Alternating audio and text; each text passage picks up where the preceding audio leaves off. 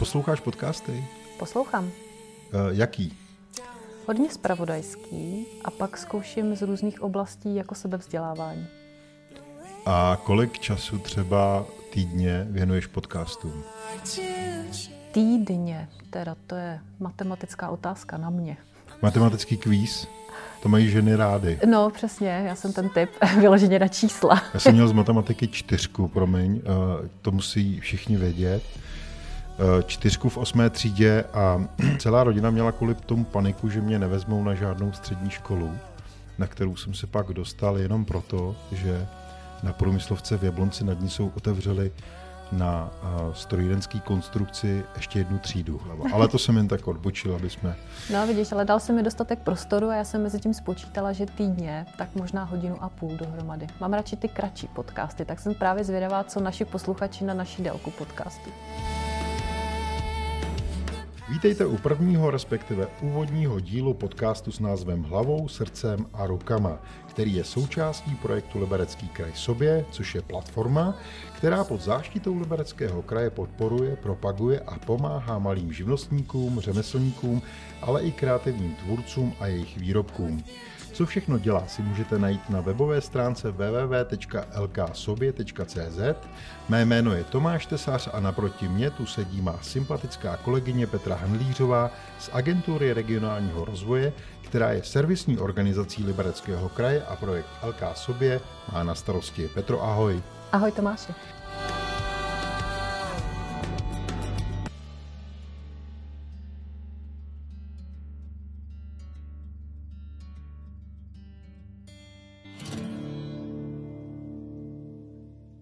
Proč vlastně chystáme podcast, který se jmenuje Hlavou, srdcem a rukama? Rádi bychom všem posluchačům, zejména z řad široké veřejnosti, přiblížili nejen to, co projekt LK sobě dělá, ale právě hlavně všechny řemeslníky, drobné živnostníky, producenty, kteří jsou v projektu zařazeni, kteří působí v rámci Libereckého kraje. Jsou to kreativní lidé a nabízejí své výrobky eh, právě eh, všem lidem, kteří mají potřebu podporovat lokální ekonomiku a podporovat eh, šikovné kreativní lidi, kteří neprodávají věci, které k nám museli připlout přes moře, přiletět zdaleka, ale jsou vyrobeny z místních surovin, místními lidmi a e, mají ten punc originality. Takže lokální, lokální věci a lokální lidé. Je to tak? Je to tak. Než představíme obsah podcastu jednotlivých dílů, pojďme si jenom ještě v kostce říct, e, jak dlouho funguje platforma LK sobě, kolik třeba v ní už je řemeslníků a kreativců? A jaký plány máte na letošní rok? Platforma byla spuštěna, jestli se nepletu, někdy na přelomu října a listopadu v roce 2020, kdy reagovala eh, do určité míry právě i na tu nastalou situaci eh, kolem pandemie takže bylo opravdu vhodné podpořit regionální výrobce jinak eh, než eh, na trzích, protože ty se nemohly konat, takže onlineová platforma dávala velký smysl. A v lednu potom 2021 jsme projekt převzali pod eh, vlastně organizaci a zprávu my v agentuře, dostala jsem ho na starosti já a od té doby se mu věnuji a snažíme se ho posouvat pořád někam dopředu. Jaké uh, novinky chystáš na tento rok? Letos máme, myslím si, velkou novinku.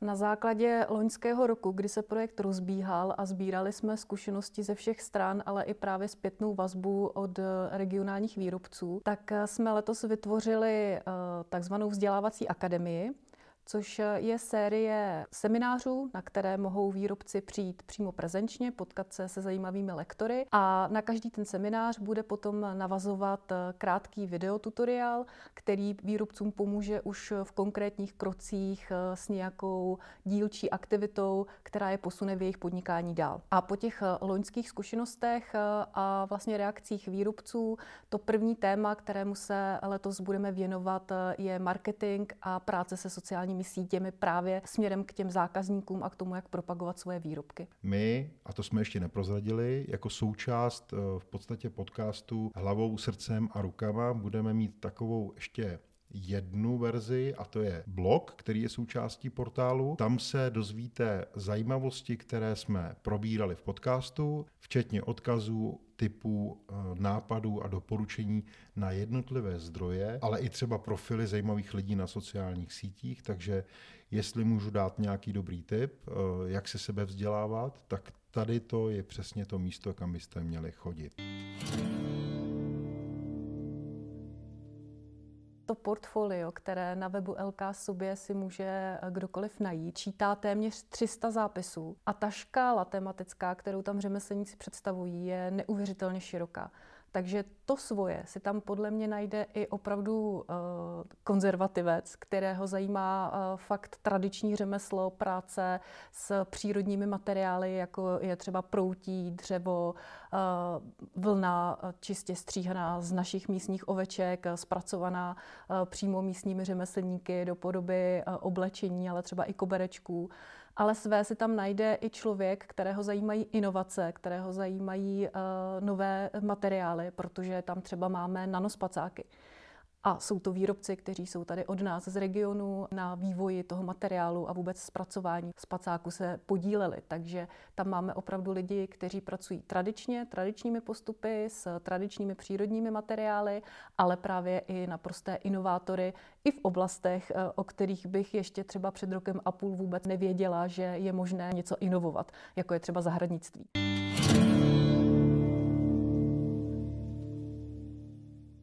Co dál budeme přinášet našim posluchačům? Já řeknu jenom úvodem, že tam budou zajímavé typy. Budou tam typy pro veřejnost, kde právě s těmito kreativci a podnikavými lidmi z Libereckého kraje se mohou setkat, takže chystáme i takové aktuality, eh, kde se budou konat jaké trhy, eh, řemeslné dílny, anebo třeba i dny otevřených dveří. Ale i pro řemeslníky ten podcast by měl mít eh, svůj smysl a chceme jim přinášet právě třeba rozhovory s lidmi z různých specializovaných oborů, kteří jim pomohou se zorientovat v podnikání, přinesou různé zajímavé příběhy a vlastní zkušenosti, co dělat, co nedělat, eh, jak se, jakou cestou se při tom podnikání a rozjíždění živnosti vydat a na co si třeba dávat pozor.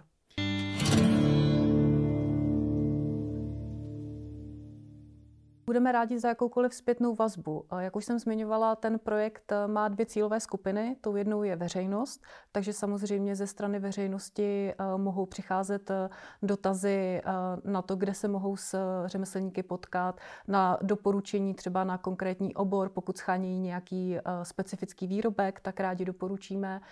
Pokud třeba někdo bude rozjíždět nějaký gastropodnik nebo jiný druh podnikání a rád by nakontaktoval další další řemeslníky, tak eh, budeme rádi zprostředkovateli.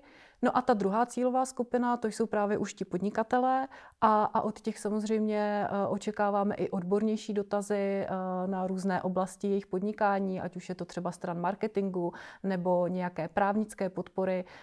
Cokoliv je zajímá, pálí, trápí, tak nám mohou dát vědět a my už i dneska na to reagujeme a přizpůsobujeme tomu třeba plán vzdělávacích aktivit. Nesmím zapomenout ještě na jednu věc. A to je, že eh, my vlastně budeme nabízet lidem příležitost setkávat se osobně, ať už formou nějakých workshopů, anebo třeba i poradenství. Mohla bys to trošku rozvést, eh, co všechno vlastně lidem, kteří se zapojí do platformy LK sobě, můžete nabídnout? My máme možnosti organizovat eh, různé vzdělávací a potkávací aktivity. Už jsme s tím začali v loni, kdy na konci roku po té, co jsme vlastně od, od ledna ten projekt eh, vedli a snažili se zorientovat v té celé problematice, tak jsme uspořádali takzvaný meetup ve spolupráci s podnikatelským inkubátorem Lipo Inc. A tam jsme se setkali s našimi řemeslníky a na úvod jsme jim udělali takovou vzdělávací aktivitu. A potom to pokračovalo takovým potkáváním se uh, krátkými komunikačními kruhy, kde jsme si vyměňovali zkušenosti a kde nám řemeslníci předávali svoje vlastně potřeby, kam by ten projekt dál chtěli směřovat. Na základě toho už letos spouštíme vzdělávací akademii, která tematicky vzešla právě z připomínek našich členů.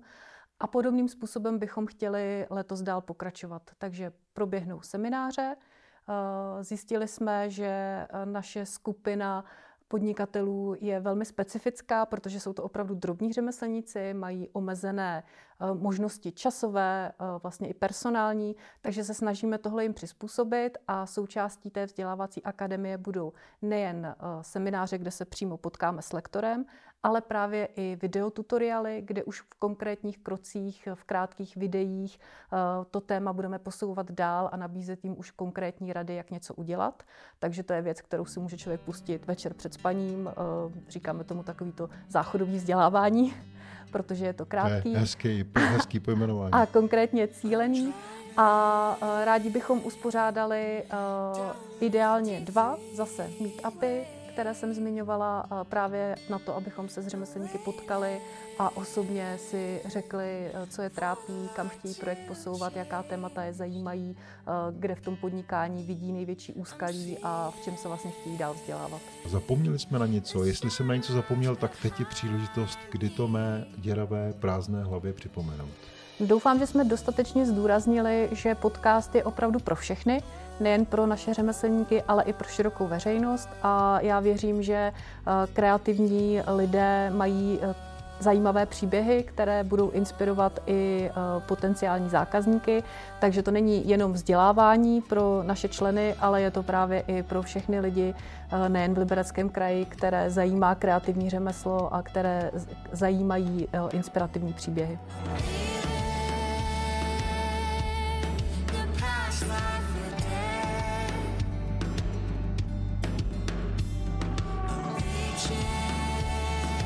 Mimochodem prozradíme našim posluchačům, kdo bude hostem prvního podcastu Hlavou, srdcem a rukama? Můžeme naznačit. Ano. Z mého ženského pohledu bych možná prozradila, že pokud se někdo chystá na jarně letní detox, tak by si nás měl poslechnout to působí trošku ezotericky úplně, jako, ale dobře, tak mužský pohled, jo. Já k tomu přidám, že to souvisí s přírodou, že to souvisí a, s bylinkami a že to je něco, co byste podle mě v Libereckém kraji nikdy nečekali. Od mikrofonu a z improvizovaného studia se s vámi pro tentokrát loučí Tomáš Tesař a Petra Handlířová. Mějte se fajn.